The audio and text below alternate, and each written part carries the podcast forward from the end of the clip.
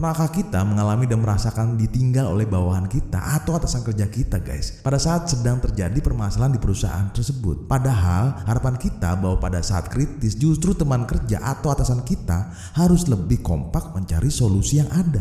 Eh, malah mereka nggak peduli atau bahkan meninggalkan kita guys. Karena situasi seperti itu kita merasa kecewa karena teman dan atasan kita tidak support dan bahkan merasa sedih karena kita ditinggalkan oleh mereka.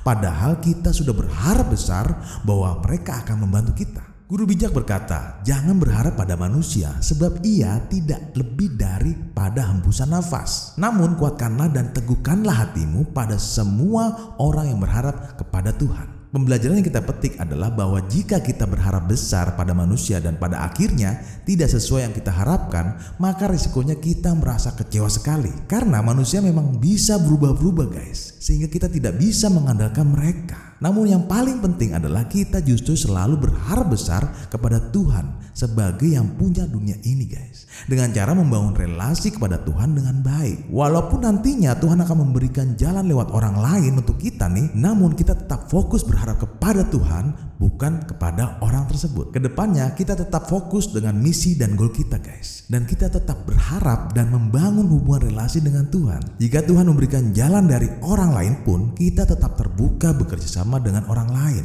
Namun kita tetap berharap besar kepada Tuhan, bukan kepada manusia. Yuk kita sama-sama belajar mengembangkan good attitude kita ya guys. Attitude is everything.